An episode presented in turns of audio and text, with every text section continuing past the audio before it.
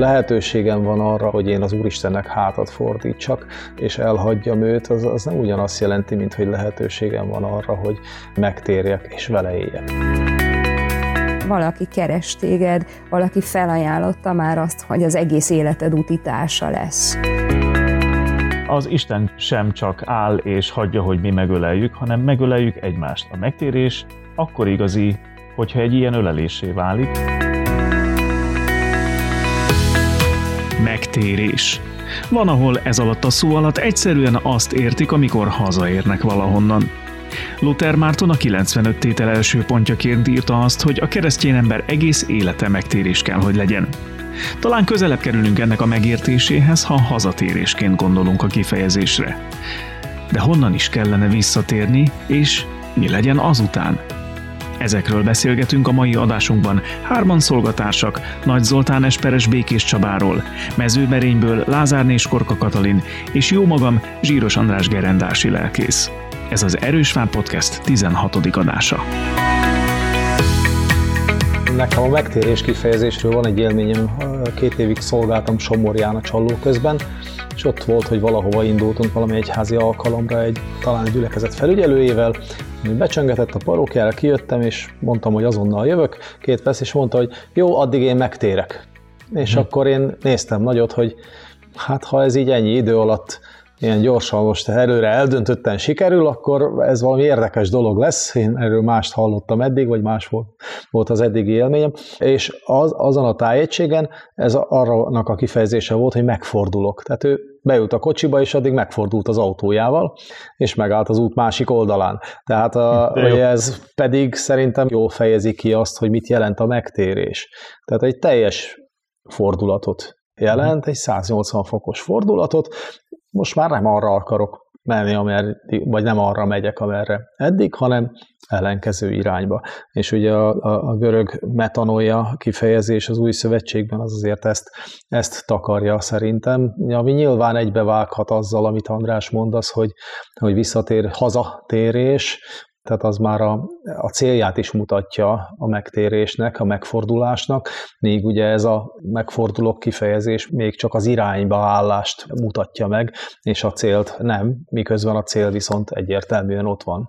Tehát az Úristen szent lelke nem azért akar bennünket megtéríteni, mert csak most akar egy hirtelen irányváltást az életünkben, hanem azért, mert azt akarja, hogy már most a, a cél felé, a jó cél felé haladjunk hosszú időn keresztül volt problémám a megtérés kifejezésével.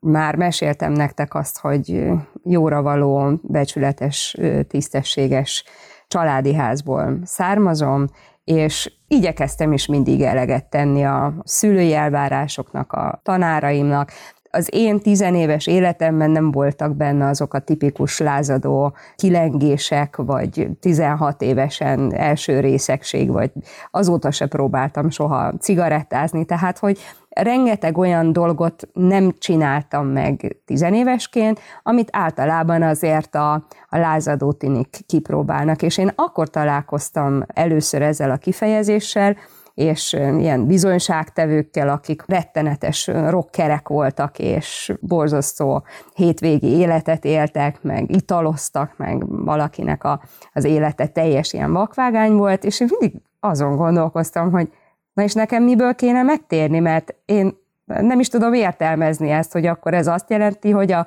hogy az ember élete úgy egy varázsütésre így megváltozik, vagy így még jobb lesz. Csak így nem tudtam, hogy akkor nekem most már innentől hogyan kellene viselkedni, hogyha most én megtérek. Vagy nálam ez hogy fog működni. Hát óriási volt bennem a tanástalanság, amikor tizenévesen ezt a kifejezést így hallottam a gyülekezetben nekem ez egy ilyen erkölcsi kategória volt. Ez egy nagyon rossz értelmezés, mert hogy nem a következményeket kell elsősorban nézni a megtérés nyomán, hanem azt a pontot, azt a lehetőséget, hogy az ember rátalál az Istenre, és innentől fogva nem ő nélküle megy az élete, hanem ő vele odafordul, az én arcom az én atyám felé, és az lesz nekem fontos, amit ő mond, amerre ő vezet, ahová ő szeretné az életemet célba vinni. És nekem valahogy hosszú időbe telt, mire arra rájöttem, hogy nem egy olyan jellegű minőségi változást jelent a megtérés, mint amit én legelőször gondoltam, hanem ez az Istennel való kapcsolatunknak a helyreállítása. Az történik meg, hogy én valóban hazatérek a mennyei atyámhoz, vagy rátalálok arra, amit ő szeretne nekem nyújtani. De van egyfajta hívő gőg is, ahol az ember hasonló dilemmával szembesül, amiről te beszélsz, Kati, hogy ha előáll a gyülekezetben valaki, aki eddig nyilvánvalóan erkölcstelen és istentelen életet élt, és kiáll oda, és azt mondja, hogy én pedig most megtértem, és ott van a gyülekezetben az az idős néni vagy bácsi, aki soha életében kilívó dolgokat nem tett, és akkor felteszi magában a kérdést, hogy akkor az én életem, az én hitéletem, az hol van, vagy hogy, hogy értékeljem én ezt. Tehát azért gondolom ezt, hogy mind a két oldalon lehet ebben gőg, azon az oldalon is, amelyik azt gondolja, hogy hát én nem élek olyan életet, hogy nekem szükségem lenne a megtérésre, meg azon az oldalon is, amelyik ezzel kicsit hivalkodik, hogy na én milyen rossz voltam, de most már milyen jó vagyok, vagy mennyire istentelen voltam, tehát akkor tényleg ne erkölcsi mércével mérjük ezt, mennyire istentelen életet éltem, de most már mennyire az Úristen mellett állok. Ugye mind a kettő lehet tényleg egyfajta ilyen hívőgőggel megélt és kimutatott életérzés és életvitel. Miközben ott van mindkét oldalon, vagy ott lehet, az a csendben, alázattal és szenvedéssel megélt küzdelem, ami lehet annak a gyermekkorától egyébként keresztjén hitben nevelkedett eh, idős embernek a küzdelme, amit a naponkénti megtérés jelent, amit Luther ír. Vagy ott lehet Persze a másik oldalon meg az, hogy azért az a megtérés, az a hirtelen irányváltás valakinek az életében, ami megtörtént, az meg nem egy olyan diadalmenet volt, mint ahogyan az esetleg egy ilyen bizonyságtételből kitűnik. Hát éppen erről a kettősségről szól a tékozló fiú története. Ott ugyanez a helyzet áll elő, amit mondasz, Zoli, hogy van a két fiú, az egyik az élete aljáról tér vissza az atyához, a másik meg hűségesen ott volt mellette, és benne születik meg ugyanez az érzés, hogy hát akkor az én hűségem ennyire nem ér semmit, hogy én nem kaptam ilyen nagy vacsorát, meg gyűrűt, meg tiszta ruhát az én hűségemért. De ugye az atya ugyanúgy odafordul mind a két fiához, és neki mind a két fajta állapot ugyanolyan fontos. Egy a lényeg, hogy ott legyünk ő nála. Az atya cselekvéséről beszélsz, András, hogy ő odafordul, mindkét fiát szereti egyébként, és mind a kettőnek kész megbocsátani. Nekem folyamatosan óriási kérdés az, hogy a megtérésben ki a domináns cselekvő. Tehát ha Márk evangéliuma elejét nézem, Jézus első szava, miután ugye őt keresztelő János megkereszteli, majd túl lesz a kísértésen, hogy azt mondja, betelt az idő, és elközelített az Isten országa, térjetek meg és higgyetek az evangéliumban. Azok, akik őt hallgatják, kapnak egy nyomatékos felszólítást a megtérésre. Hát akkor most ebben a helyzetben, a megtérésben én cselekszem? Vagy az atya?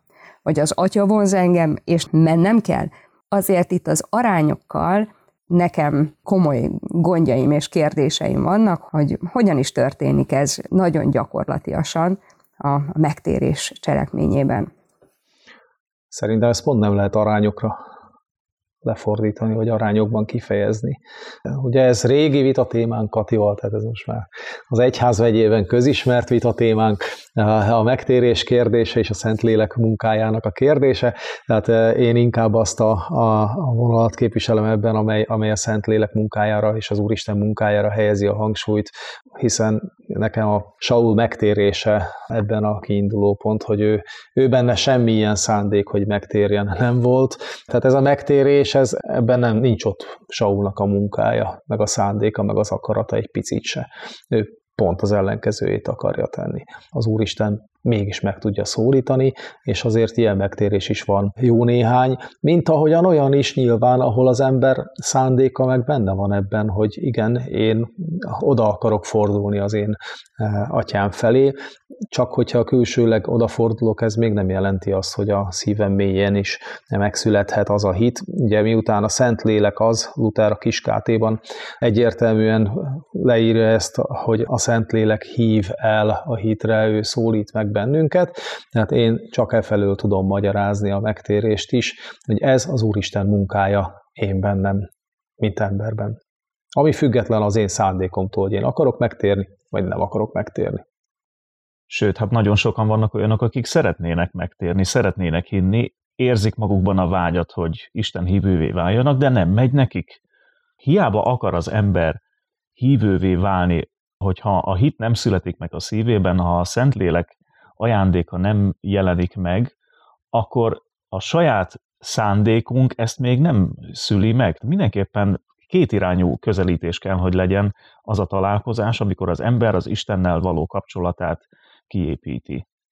A megtérés úgy gondolom, hogy egy válasz, egy válaszlépés. Hát ez nem kérdés, hogy Isten akarja, hogy minden ember üdvözüljön. Az nem kérdés, hogy Isten mindenkinek örömmel adja a szent lelket, aki kéri. Van-e egy megelőző lépése bármelyikünk életében a megtérésnek? Természetes erre, csak azt tudjuk mondani, hogy igen, mi azért szeretünk, mert ő előbb szeretett, ő előbb keresett, ő megadta a feltételeket a jó élethez, mondhatnánk ezt a mondatot a tékozló fiaknak a, a szemszögéből, hogy ők megkaptak mindent az apjuktól, az volt a kérdés, hogy ők hogyan reagálnak arra, amit az apjuk nyújt nekik. Nekünk is szerintem így van a megtérés, hogy Isten mindent előkészít, de kérdés, hogy az ember milyen választ tud erre a megelőlegezett szeretetre adni. És nálam logikájában így zökken a helyére az, hogy az Isten az utolsó időben azért mégiscsak számon kéri az embert, hogy hitben élte, hogy Krisztusé volt a szíve, hogy az ő életét az atya akaratának megfelelően akarta folytatni. Számomra a végcél vagy az örök élet irányából válik értelmezhetővé a megtérésnek is a szükségessége, illetve ugyancsak az ítéletnek az igazságossága. Mert ha csak és kizárólag azon múlna, hogy, a, hogy az atya mit akar, akkor tulajdonképpen az ítéletnek ilyen módon nem lehetne ott lennie az ember életében. Mert ha mindent eleve leoszt az Úristen, akkor nem kérheti rajtam számon azt, hogy én megtértem-e vagy sem. De ha már mindent megelőlegezett, és mindent odaadott azért, hogy én erre válaszoljak, akkor már az én válaszomat számon kérheti rajtam. Csak ennek a továbbgondolása viszont éppen az, hogy ez az én egyre hangsúlyosabb lesz. Így tör utat magának az én elgondolásom szerint az, hogy, hogy aztán az jön elő, vagy az a végeredmény, hogy én megtértem, és lám, én ilyen életet éltem, de most már mennyivel jobb vagyok, és szinte, és, és akkor már is ott vagyunk ennél a hívő gőgnél, amiről korábban beszéltem, ami azért sok esetben jelentkezik, az egyházban is, ahol ráadásul, hogyha valaki nem pont ugyanezt az utat járta be, mint az illető megtérő, akkor már úgy érzi, hogy nem helyes az ő hite, vagy nem teljes, vagy éppen azokat a tapasztalatokat nem élte meg, akkor nem is élheti bele annyira magát a megtérés élményébe. Igen, hát valaki ezt így büszkén kijelenti, hogy megtértem, akkor erre önkéntelenül az a válasz fogalmazódik meg benned, hogy gratulálok. Na de hát lehet ehhez gratulálni. Eszembe jut Jézus beszélgetése Nikodémussal, ott nem a megtérésről van szó, hanem Jézus azt mondja, hogy szükséges nektek újonnan születnetek. Ez a kifejezés újra arra vezet bennünket, hogy a születés az ugye nem a gyermektől van, hanem nem a gyermek akaratából van. Ő nyilván megszületik akkor, amikor erre elérkezett az idő, de az ő születésének minden egyes előfeltétele az ő szüleitől van. Tehát ezért nagyon fontos, nem elsősorban szerintem a megtérés kifejezést ilyen patika mélegre tegyük, hanem mellé hallgassuk azt is, amit Jézus erről az új életről mond. A születés nagyon jó kép, mert hogy ugye azt tudjuk, tudjuk róla a magyar nyelvben a születés az egyetlen egy olyan alak, ami szabályosan szerepel műveltető alakban, mert hogy nem rajtunk múlik, és mégis mi születünk meg. De milyen érdekes, hogy ennek ellenére nagyon sokszor, amikor mondjuk elhúzódik a, a születésnek az időpontja pár nappal, vagy hogyha előre jön, akkor ugye azt szoktuk mondani, hogy a baba már hamar meg akart születni, vagy nagyon nem akar megszületni, mint hogyha a babán múlna. A gondolkodásunkban valahogy ez benne van, hogy, hogy a gyermeknek is van valami szerepe abban, hogy megszülessen, és tulajdonképp van is, hiszen egy nagyon komoly küzdelem egy csecsemő számára is, hogy végig menjen a szülőcsatornán, ugye ez életünk első traumája, milyen jó, hogy nem emlékszünk rá. Hasonló módon a születés pillanatához a megtérés folyamata is egy olyan küzdelem kell, hogy legyen, amit saját magam is személyesen végig kell, hogy harcoljak, és tulajdonképp valamennyi eredménye kell, hogy legyen a magam küzdelmeinek is abban, hogy végül elindulok ezen az úton. Nyilván nem kizárólag a magam küzdelmeinek eredménye ez, de hátradőlve sem lehet várni azt, hogy majd ha az Isten engem megtérít, akkor megtérek, és védekezni azzal, ha még nem tértem meg, hogy hát engem még nem szólított meg az Úr. Én visszatérnék az előző képhez. Ti mit mondotok akkor, amikor ilyen bejegyzéseket láttok a közösségi médiában, hogy köszönöm, hogy engem választottál az anyukádnak.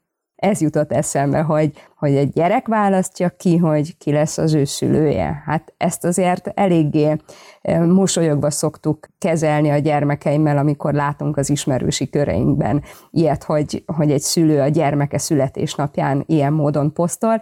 Kicsit hasonlít ez ahhoz, hogy gratulálok neked, hogy megtértél itt van a kettő közötti áthalás, mert nem a gyermek érdeme, meg a megtérő érdeme az, hogy végre rátalált a mennyei atyára, meg kiválasztotta magának az ő istenét, akiben majd bízni fog. Nem erről van szó. De ez a születéskép ez ilyen szempontból jó, hogy a gyerek miután megszületett, akkor mégsem azt ünnepeljük, hogy hú, de ügyes volt, végig küzdötte magát a szülőcsatornán.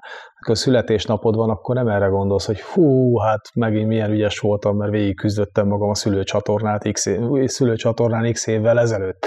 Tehát, hogy valahol ugye ez a szemlélet is, hogy most akkor én magamat dicsérem azért, hogy élhettem ennyi időt, amennyit élhettem, vagy hálát adok az Úristennek azért, hogy ennyi időt kaptam ebben a földi életben. Szerintem ez a szemléletmód, ez, ez erre is ugyanígy igaz. Persze nyilván az is kellett, hogy én ne ugorjak le a hídról a Dunába, hogy még ennyi időt élhessek, de azért lássuk be, hogy az életünk ajándéka meg mégis csak nem rajtunk múlik, és ez, ezt én a hitben is így tapasztalom, és így élem meg, hogy az, hogy én, én hitben élhetek, és hogy a hitemet megerősíti, meg ébreszti a Szentlélek napról napra, és lehetőséget ad napról napra arra, hogy visszatérjek az Úristenhez, ezt nem tudom saját sikerként elkönyvelni. De akkor hogyan kezeljük azt a mondatot, amely azért Jézus komoly felszólítása a megtérésre? Térjetek meg, és higgyetek az evangéliumban. Hogy jön akkor a kettő össze? Nyilván ezt meg kell tudjuk érteni ahhoz, hogy a cselekedeteinket a háttérbe jó rendezzük mögé, vagy hogy amikor, amikor Jézus szól, akkor mi engedelmesen tudjunk menni, vagy már az engedelmességünk is a Szentlélek műve? Számomra abban van ez a megfejtés, hogy igen, az engedelmesség már a Szentlélek műve, de az engedetlenség lehetősége mégis mindig ott van számomra. Tehát akkor valami módon csak benne van az én döntésem, az én személyem, és csak rám is fókuszál Jézus, amikor azt mondja, hogy tedd meg, térj meg, és így. De nem, de nem ezt hangsúlyozom, Kati, tehát hogy a hangsúly hova esik. Tehát most pont erről vitatkozunk, mint mindig egyébként, hogy, hogy hova tesszük a hangsúlyt. Tehát nem az énre helyezem a hangsúlyt. De, tehát hogy az, hogy, az, hogy nekem lehetőségem van arra, hogy, hogy én az Úristennek hátat fordítsak, és elhagyjam őt, az, az nem ugyanazt jelenti, mint hogy lehetőségem van arra, hogy megtérjek és vele éljek. És én ebbe, ebben látom, tehát, hogy, hogy nekem ezek a, valószínűleg az élettapasztalataim hatnak erre, hogy akikkel így találkoztam, hogy ők magukat én nagyon rossz a kifejezés, de nagyon megtérteknek érezték, ott szinte mindig olyan mértékű volt ez a hívő gőg, ami már bizony a keresztjén alapvető tanításokat is áthágta. Én egyébként fel tudom oldani ezt a logikai ellentétet, időközben nyilván nem a vitázási kedvem lohad, hanem azt gondolom, hogy a bölcsesség növekszik bennem Isten által.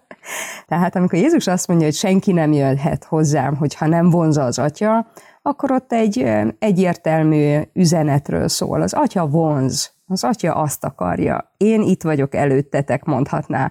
Vagy mondja ott Jézus, amikor megérkezik Galileában. Látjátok? Itt vagyok. Elérhető vagyok. Itt az Isten kegyelme. Ez egy olyan csodálatos központi idő a világ történelmében, amikor ő ott van, hogy ezt, ezt meg lehet ragadni, most lehet megfogni, most lehet odafordulni. Számomra ez ott jön össze, hogy Jézus azt mondja, hogy minden tálcán kínálok neked, vedd el. És hogy azt is megadja, azt az erőt is megadja ahhoz, hogy én odafele tudjak lépni egy lépést. Minden kegyelem, az is kegyelem, hogy én képes vagyok érteni, hallani, hogy a szívem bemozdul a felé. És azért kéri rajtam számon, mert szerintem lehet ebben a helyzetben igenis a jónak is nemet mondani. Tehát az ember elutasíthatja a kegyelmet, és elfordulhat, és megvetheti, és mondhatja azt, hogy nekem erre nincsen szükségem. Azért sok-sok olyat látok magam körül, hogy az Isten figyelmezteti az embert arra, hogy ő ott van az életében, hivogatja szeretettel, bizonyos életeseményeken, bizonyos személyes történéseken keresztül, nem csak a hatalmas nagy harangszóval, hanem apró, csendes csodákkal, és aztán, hogyha az ember szíve meg ennyi kegyelmi állapot után is kemény marad, akkor az bizony azt jelenti, hogy ott volt a kegyelem, és én elszalasztottam. Számomra még egy sarkalatos kérdés van ebben az az, hogy aki sokat beszél a megtérésről, az nagyon keveset beszél általában, és szerintem ez keveset is gondol rá, Krisztus váltságművéről. Azért nagyon sokszor tapasztalom azt, hogy a megtérés hangsúlyozása egy-egy ember személyes életében, az ő személyes megtérésének a hangsúlyozása, az háttérbe szorítja Krisztus váltságművét. És ez egy nagyon fontos pont, és itt a római levélre gondolok, hogy hát akkor Krisztus hiába halt meg, mint egy törvénybetöltés él sok embernek a gondolkodásában ez a megtérés, hogy na én megtértem, betöltöttem a törvényt, innentől kezdve akkor én Isten gyermeke vagyok, és engem már az üdvösségtől senki el nem választ, de mindeközben itt Krisztus mintha kimaradna a képből, és az ő váltságműve. És ez szerintem egy sarkalatos pont. Hát vagy lehet, hogy úgy értelmezi, hogy akkor ő benne már elvégeztetett a megváltás műve. Nem? Tehát, hogy akkor ő most már készen van. Lehet. Na de hogy elér, elérkezik-e ez a pillanat még a földi életünkben? Mondhatjuk-e azt, hogy most már készen vagyok, most már nem veszíthetem el ezt a hitemet, mert megtértem. Tehát benne van-e a véglegesség a megtérésben? Mert szerintem egyáltalán nincs. Tehát sokan, akik konkrét dátumként emlékeznek megtérésük pillanatára, hiába van egy ilyen esemény, akár még az én életemben is, ahol meg tudom mondani, hogy na mikor volt először egy olyan változás a gondolkodásomban, ami után én magamat hívőként tudnám megnevezni, és azelőtt ezt nem mondtam volna el magamról. Ettől függetlenül mindig vannak a hitemben hullámvölgyek, mindig egy kicsit úgy érzem, hogy erősebben kapaszkodok az Istenbe, néha úgy érzem, hogy egy kicsit eltávolodtam, néha vesznek olyan fordulatot az életem kanyarai, ami alapján a külső szemlélő meg nem mondaná, hogy nekem bármi közöm lenne az Istenhez, de ettől függetlenül, hogy volt egy, egy ilyen pillanat az életemben, hogy ha, amire én azt mondom, hogy megtértem, nem gondolom azt, hogy nem lenne erre ugyanúgy akár még számtalanszor szükség az életünk során mint ahogy ugye Lutherre visszautalunk. Persze, csak a, mindezzel meg nem is akarom kétségbe vonni azt, hogy vannak ilyen megtérés élmények. Tehát, hogy éppen az Úristen szent lelkének a leleményességét mutatja ez, hogy valakinél ez szépen lassan formálódó folyamat, ami eljut a céljához, valakinél meg, hát lássuk Saul példáját, hirtelen egyszerre a semmiből jön és megtérést eredményez. Tehát én nem vonom kétségbe azt, hogy, hogy vannak emberek, akiknél ez így megtörténik, én csak azt próbálom újra aláhúzni, hogy Krisztus váltságművét ne próbáljuk ezzel kisebbíteni, vagy ne szenvedjen az csorbát. Talán olyan ez, mint egy ölelés. Az Isten magához ölel bennünket, de az ölelés úgy működik, hogy mi is átöleljük azt, aki bennünket átölel. Tehát semmiképpen nem csak hagyjuk magunkat kezünket lógatva, hogy megöleljen bennünket az Isten, de az Isten sem csak áll és hagyja, hogy mi megöleljük, hanem megöleljük egymást. A megtérés akkor igazi, hogyha egy ilyen ölelésé válik, és mint ahogy az ölelésre rendszeresen szükségünk van, nem csak egyetlen egyszer, talán így lehet a megtérés is rendszeres szükségletünk az életünk során. Azért a megtérésben ott van a bűnbánat, ugye a metanójában is ott van a bűnbánat, hallanom kell azt, hogy milyen vagyok Krisztus nélkül. És nagyon fontos számomra az ágostai hitvallásunknak az ötödik cikke, amikor arról olvasunk, hogy Szentlélek támaszt hitet. Ahol és amikor Istennek tetszik, azokban, akik hallják az evangéliumot. Azt tudnélik, hogy Isten nem érdemeink szerint, hanem a Krisztusért igaznak fogadja el azokat, akik hiszik, hogy Krisztusért kegyelmet nyernek. Tehát a megtérésben ott van az, hogy én magamra ismerek, hogy milyen vagyok Isten nélkül, és az evangélium az, az ige az, amely ráébreszt engem erre az igaz önismeretre. És lehet, hogy valaki vágyakozik arra, hogy hívő életet éljen meg, de jó azoknak, akik tudnak egy közösségben együtt imádkozni másokkal. Tehát lehet egyfajta spirituális vágya embereknek, de az, hogy az életükben hangsúlyossá váljék a Krisztushoz ragaszkodás, az az ige nélkül nem megy. Ott kell, hogy az Isten először az evangéliummal utat hozzon, vagy utat építsen a szívünkig, hogy aztán nekünk lehessen erre egy válaszreakciónk, felismerésünk, hogy igen, Krisztusért az én bűneim meg vannak bocsátva, Krisztus váltságműve rám is érvényes. Tehát nem egy alaptalan és talajtalan spirituális cselekmény, vagy egy ilyen lelki út a megtérés, hanem, hanem mindig innen indul az Isten szent lelkének műve az evangélium hirdettetésével. Akkor nem, nem egyszerűen csak egy El Camino. Szerintem nem élménysorozat. Ja, de az El Camino, az, tehát vagy bármilyen ilyen zarándoklat, tehát én nem voltam El Camino-n, én túrázni szoktam, szerintem ugyanazt az élményt adja, egyszerűen ott megtapasztalod azt, hogy nincs más, csak a, az út, a terep, az Úristen meg te.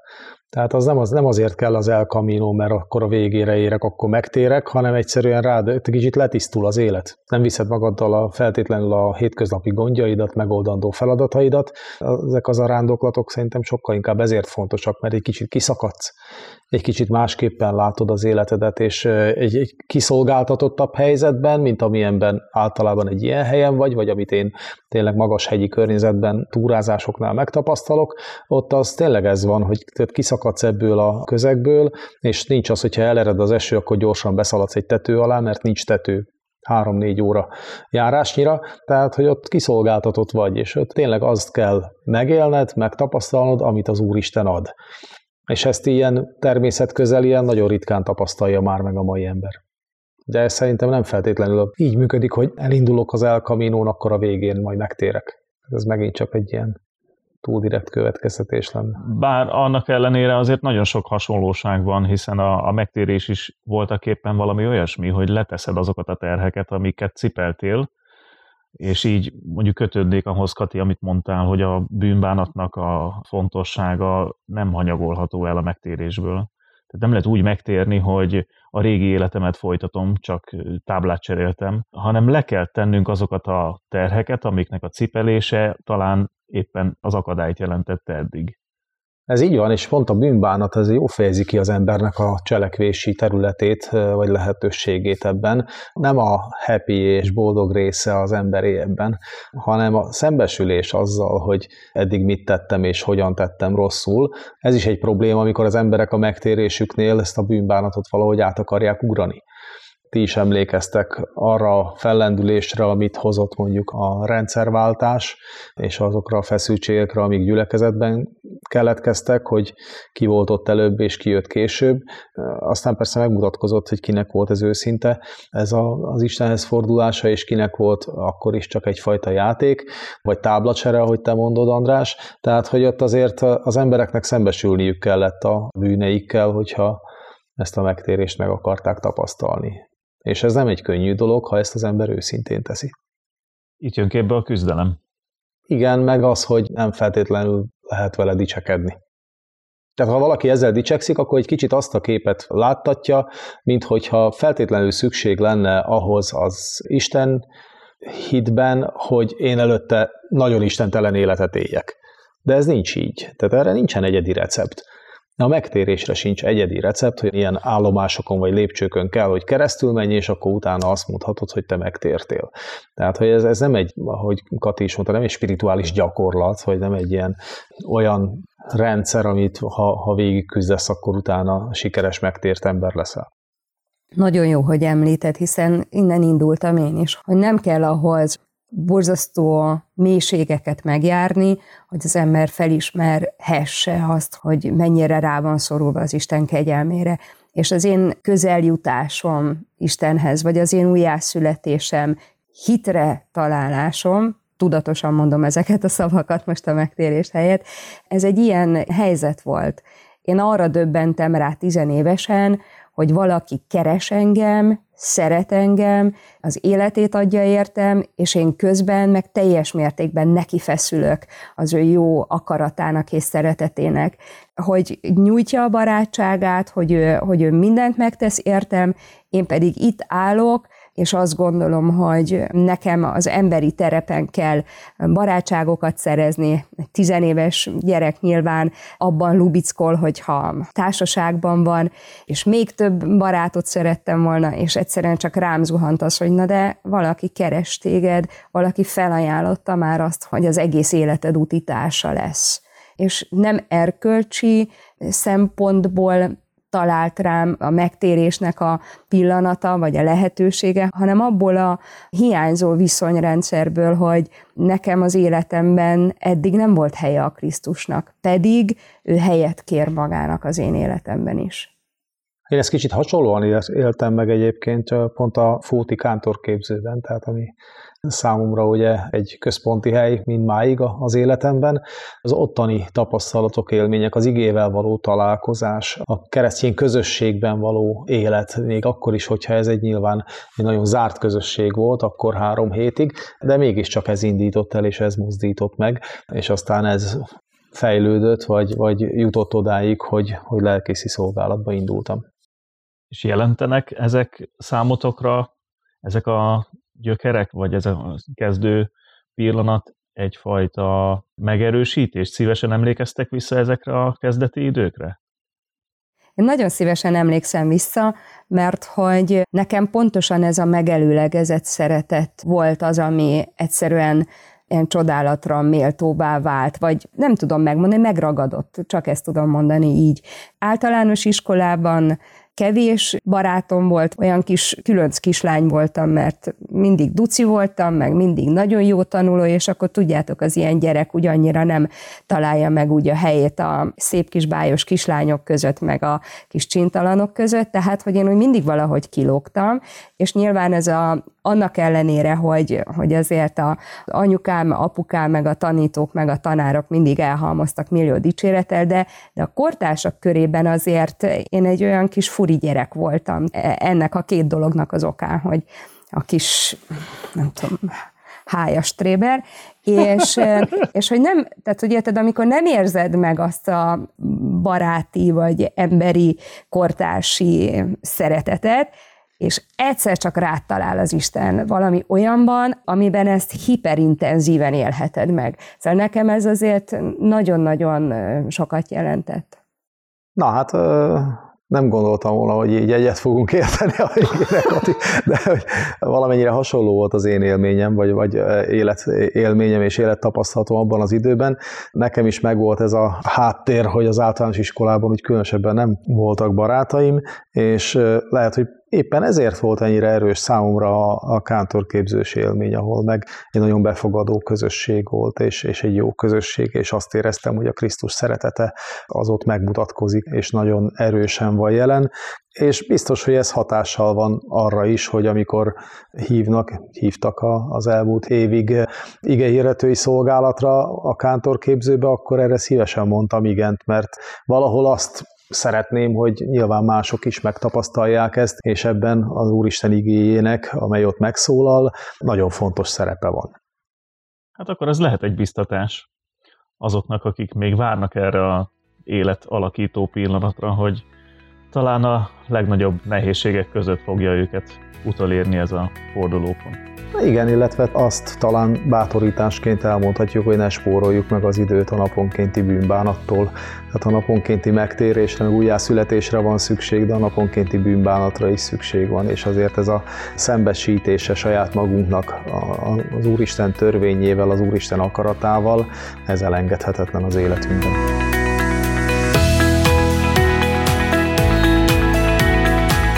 Ez volt az Erős Vár Podcast 16. adása. Kíváncsian várjuk hallgatóink megtérés élményét, vagy akár élményeit, tapasztalatait, véleményét a témáról Facebook oldalunkon, ahol az új epizódok érkezéséről is rendszeresen beszámolunk.